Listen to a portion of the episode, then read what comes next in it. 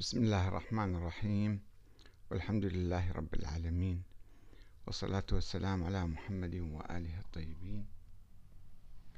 ثم السلام عليكم أيها الأخوة الكرام ورحمة الله وبركاته. أحمد الكاتب أنت حجر عثرة أمام عصر النهوض الشيعي. قبل أيام دعوت أحد الأخوة المثقفين المهتمين بالشأن الثقافي الشيعي. للحوار حول بعض الأمور التي تخص الفكر السياسي الشيعي القديم والحديث كالإمامة الإلهية ووجود الإمام المهدي الغائب ونظرية ولاية الفقيه. فكتب إلي يقول حياك الله أخي الكريم. أعرف آراءك تفصيلا ولم أكتب ردا عليها من قبل. ولا أنوي ذلك. ولكن الردود العلمية عليها متضمنة في بحوثي ومؤلفاتي. ولاية الفقيه ليست نظرية بل مبدأ يقف عليه النظام الاجتماعي الشي... الديني الشيعي والمرجعية الدينية منذ 1250 سنة. وهو الوجه الآخر لمبدأ نيابة الإمام. وكل من يضرب الأصول التشريعية لهذا النظام فإنما هو يدمر حصون حماية المجتمع المدني أو الديني وتعريض أبنائه للقمع والقتل والاضطهاد والحرب الدعائية. وفي مجال التقنين المعاصر لهذا المبدأ وفق الدستور المبني عليه فإنه يعد أكثر منظومات الفكر الاجتماعي المعاصر فاعلية وعدالة وإنسانية وحتى على مستوى التطبيق. فقد حقق النظام قفزات تاريخية نوعية في الواقع الشيعي. وإذا قارنته بالأنظمة الليبرالية التي تدافع عنها وتحديدا في البلاد السنية لأذهلك الفارق على كل المستويات وهو ما تلمسته خلال ثلاثين عاما من العيش في عدد من هذه البلدان. وبالتالي نظام ولاية الفقيه ليس حجر عثرة بل أفكار أمثالك التي تعطي الذريعة للوهابية والطائفيين لتكفير الشيعة وذبحهم. هو حجر العثرة أمام حماية الشيعة وتطورهم وعصر صعودهم وقيامتهم.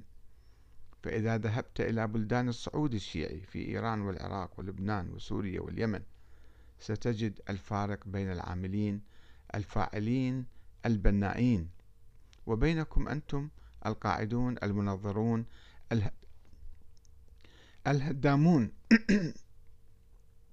بذريعة النقد والتصحيح. تبعا لخطى كسروي وبرقعي وغيرهما.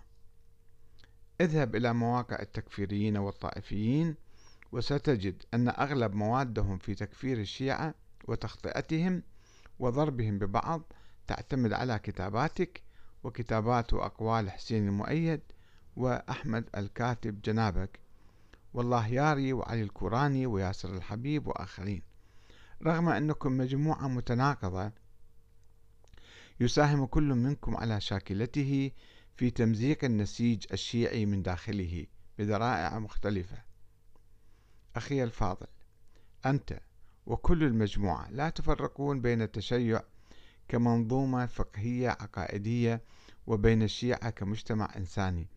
فتقومون بذريعة نقد مباني التشيع بجلد الشيعة وتكريس وتكريس تعريضهم لكل المظالم والتشويه. طبعا أعرف إجابتك مقدما وأعرف كل ما ستكرره ولم أكن بوارد السجال معك. ولكني احتراما لرسالتك وما ورد فيها من أخطاء وتجني اضطررت إلى الرد. علما أنني لا أقلل من شأن قلمك وجهودك البحثية فهي تستحق الرد عليها لأن أغلبها نتاج عمل مضن. لكني شخصيا لا أرى أن موضوعاتها تمثل أولوية في سلم الموضوعات البحثية في واقعنا ولا أرى أن الرد عليها يمثل أولوية. بالنسبة لي على الأقل ولا سيما في ظل التحديات الوجودية التي تستهدف عصر النهوض الشيعي. تحياتي وشكري على التواصل. وأجبته في البداية باختصار قلت له أشكرك على صراحتك وأدبك العالي ولعلي أتفق معك في هدف العمل من أجل النهضة الشيعية المعاصرة. ولكني أختلف معك في أن النقد الداخلي هو من أجل التطوير والتقدم نحو الأمام وليس لمعاكسة التطور. هذا باختصار وسأجيبك بالتفصيل وإن كنت لا ترغب في الحوار معي. شكرا لك.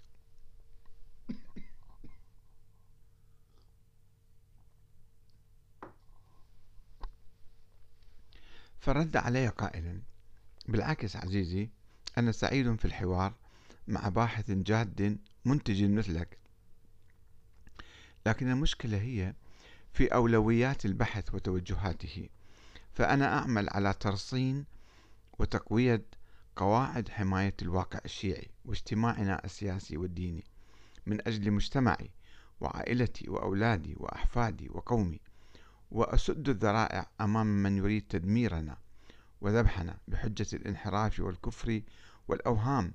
بينما جنابك تخلق هذه الذرائع وتفتح أبوابها. ولست في مقام التشكيك بنواياك وأهدافك أو أتهمك لا قدر الله بالارتباط بجهات أجنبية. فهذه أمور علمها عند ربي ولا أعطي لنفسي الحق في أن يكون لي رأي فيها. ولكن ما يهمني هو مخرجات كتاباتك فهي مضرة جدا. ليس في خطورة تعرضها لثوابت عقدية بل لآثارها على اجتماعنا الديني والسياسي. وهو ما يهمني أكثر بكثير من البحث الكلامي والحديثي والفقهي والشكر موصول لك. فكتبت له ما يلي. أخي العزيز أنت تعرف جيدا أنني كنت واحدا من العاملين في الحركة الإسلامية الشيعية لمدة ربع قرن من نعومة أظفاري وكنت داعية للتشيع, للتشيع هنا وهناك. وقد كتبت أكثر من عشر كتب في الدعوة لمذهب أهل البيت. منها كتاب عشرة ناقص يساوي واحد عشرة ناقص واحد يساوي صفر. كما كنت آه، أراه في السبعينات والثمانينات من القرن من القرن الماضي أن التشيع الاثنى عشري هو مذهب أهل البيت. وكنت أؤمن بنظرية ولاية الفقيه وأيدت الثورة الإسلامية في إيران ضمن إخواني في منظمة العمل الإسلامي والحركة الرسالية. وذهبت إلى إيران وفتحت الإذاعة العربية في السنة الأولى. وعملت وأعمل من أجل الله والعدل والحرية والوحدة الإسلامية. وقمت أيضا بنقد الفكر الفكر, الفكر السياسي السني والوهابي في كتابين منفصلين. أحدهما تحت عنوان تطور الفكر السياسي السني نحو خلافة ديمقراطية والآخر الفكر السياسي الوهابي قراءة تحليلية أو جذور الاستبداد في الفكر السياسي الوهابي. وحاربت الاستبداد البعثي الصدامي في العراق منذ أول أيام استيلائه على السلطة في العراق عام 1968 حتى نلت شرف الحكم علي بالإعدام عام 1974 فيما يسمى بمحكمة الثورة البعثية التي حكمت في نفس الوقت بالإعدام على الشهداء الشيخ عارف البصري ورفاقه الأبرار. ولكني ومنذ فترة طويلة كنت أعاني من السلبيات والانتكاسات والانحرافات ومظاهر الاستبداد في الحركة الإسلامية الشيعية. وكنت أرى بأن تلك الأخطاء تعيق تقدم الحركة والنهوض الشيعي بل تقضي على الإنجازات الإيجابية. وقد قضيت عشرة أعوام في إيران وعشت الصراع الداخلي بين الأجنحة المختلفة في الثورة والذي قاد إيران من الحرية من أجواء الحرية والديمقراطية والعدالة إلى جو من التشدد والظلم والاستبداد والإعدامات العشوائية واللاقانونية. ورغم أن الثورة الإسلامية الإيرانية كانت ترفع شعار الوحدة الإسلامية وأن الاستكبار العالمي والأنظمة العربية المستبدة كانت تحارب الثورة وتحاصرها بالسياسات الطائفية إلا أن الثورة نفسها أخفقت في الوفاء لشعار الوحدة الإسلامية. بوضع فقرة في الدستور الإيراني تنص على حصر منصب رئيس الجمهورية بالشيعي الإمامي الاثني عشري مما ولد شعورا بالغبن والتمييز والإقصاء لدى أهل السنة في داخل إيران وخارجها. وكرس انطباعا عاما بأن الثورة طائفية وقد تعزز هذا الانطباع بتبني الكثير من المراجع الإيرانيين خطابا طائفيا متطرفا ومغاليا مما أعطى المتطرفين السنة من السلفيين والوهابيين مادة إعلامية حية لتكفير الشيعة وإخراجهم من الإسلام. أخي العزيز ليس كل ما حدث ويحدث وقيل ويقال خلال العقود الأربعة الماضية على أرض إيران أو البلاد الشيعية الأخرى. لم يكن هذا في خط الصعود صعود النهوض الشيعي وإنما كان بعض ما قيل أو حدث أيضا خطوة إلى الوراء وانتكاسة في مجالات عديدة في غير صالح الجماهير الشيعية. وهذا ما دفعني للتوقف وإعادة النظر في بعض المواقف السياسية وخلفيتها الفكرية. وقد كانت نقطة الانعطاف الرئيسية التي دفعتني لإعادة التفكير بهدف الإصلاح هو طرح الإمام الخميني لنظرية ولاية الفقيه المطلقة عام 1988 وقوله إن الحاكم يعني الفقيه يستطيع أن يلغي أي اتفاقية شرعية يعقدها مع الأمة إذا رأى بعد ذلك أنها تخالف الإسلام أو مصلحة البلاد أو مصلحة الأمة. وعندما بحثت علميا وفقهيا في هذه النظرية وجدتها تقوم على أساس نظرية نيابة الفقهاء عن الإمام المهدي. وهي نظرية افتراضية ابتدأت بشكل محدود في أيام الشيخ المفيد والمرتضى والطوسي في القرن الرابع والخامس الهجري ثم تطورت وتوسعت عبر ألف عام حتى وصلت إلى نظرية ولاية الفقيه ثم الولاية المطلقة. وعندما بحثت في مسألة وجود الإمام الثاني عشر محمد بن الحسن العسكري في أواسط ولادته في أواسط القرن الثالث الهجري وجدت أن القول بولادته لم يكن إلا افتراضا فلسفيا ظنيا يخالف العقل والمنطق والتاريخ فضلا عن مبادئ الإسلام والتشيع وأن هذه الفرضية هي المسؤولة عن تهميش الشيعة وانسحابه من الحياة السياسية خلال القرون العشر الماضية. وليس الاستبداد السني. ربما يتحمل قسطا من المسؤولية ولكن المسؤولية الكبرى هي في ذات الشيعة وإنها مسؤولة مرة أخرى. هذه نظرية نظرية غيبة الإمام الثاني عشر ووجوده. هذه النظرية مسؤولة مرة أخرى عن قيام الدكتاتورية المرجعية باسم الإمام المهدي. والنيابة العامة عنه كلها فرضيات. ووجدت أيضا أن فرضية وجود الإمام الثاني عشر مسؤولة أيضا عن إدخال الشيعة الاثنى عشرية في جيتو جيتو منعزل ومنفصل عن الأمة الإسلامية جيتو طائفي بل ومعاد للأمة ومستعلن عليها بدعوى الفرقة الناجية التي تؤمن بنظرية الإمامة الإلهية لأهل البيت. ومن آمن بهذه النظرية دخل الجنة. ومن لم يؤمن بها أصبح كافرا فاسقا منافقا ضالا مضلا ودخل النار يوم القيامة. لقد كانت المرحلة الثالثة من إعادتي للنظر في الفكر السياسي الشيعي تدور حول نظرية الإمامة الإلهية نفسها التي وجدتها بعد بحثي والتحقيق أنها نظرية مثالية خيالية وهمية بائدة. لا تستند إلى آية صريحة من القرآن الكريم ولا إلى أحاديث واضحة من النبي الأكرم وإنما على تأويلات تعسفية للقرآن وأحاديث موضوعة ومجموعة أساطير ومعاجز خرافية كما يقولون ودعاوى ما أنزل الله بها من سلطان. وأن نتيجة كل ذلك كانت ولادة طائف ولادة طائفة منغلقة على نفسها ومعادية لمحيطها وخاضعة لسيطرة رجال يدعون الاجتهاد والنيابة الخاصة والعامة عن إمام غير مولود ولا موجود وبالتالي فإن السبب الأساسي لمعاناة الشيعة عبر التاريخ هو فكرهم السلبي المغالي بأهل البيت. وبالرغم من أن أئمة أهل البيت قد مضوا في التاريخ وغير موجودين الآن ولا يمكن تقديم الولاء السياسي لهم وإن الشيعة اليوم في عصر نهوضهم. قد تجاوزوا نظرية الإمام الإلهية وتخلوا عنها عمليا باتجاه المرجعية أو ولاية الفقيه أو الفكر الديمقراطي.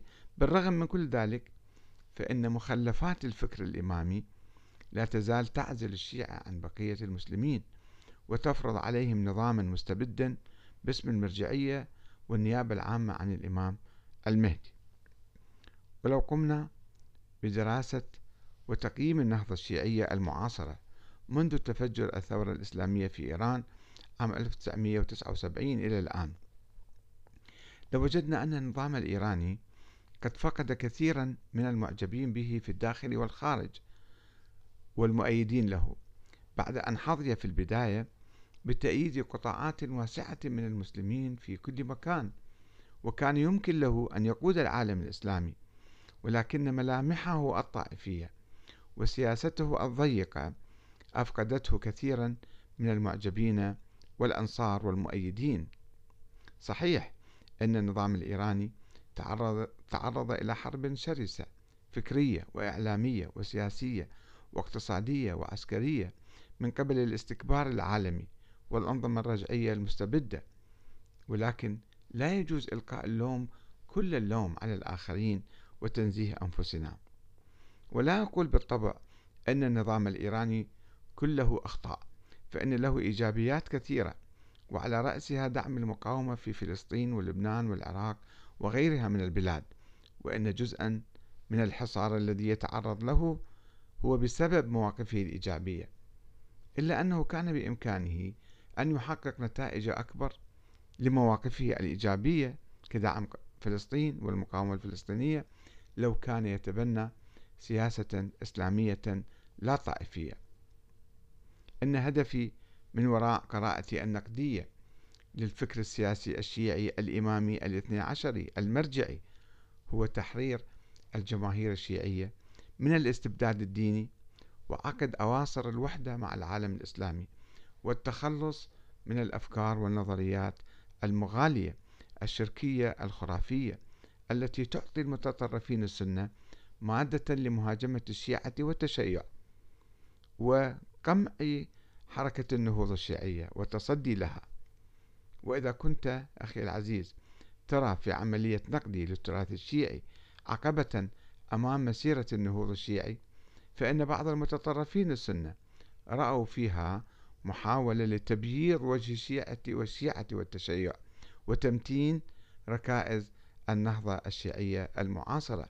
وفي الحقيقة أنا لا أحاول تبييض وجه أحد ولا أحاول أن أقف عقبة أمام مسيرة النهوض إنما أحاول أن آه، أصلح وأدعم حركة هذه النهضة ومن أجل آه، بناء مجتمع إسلامي موحد عادل وحر وديمقراطي. والسلام عليكم ورحمة الله وبركاته.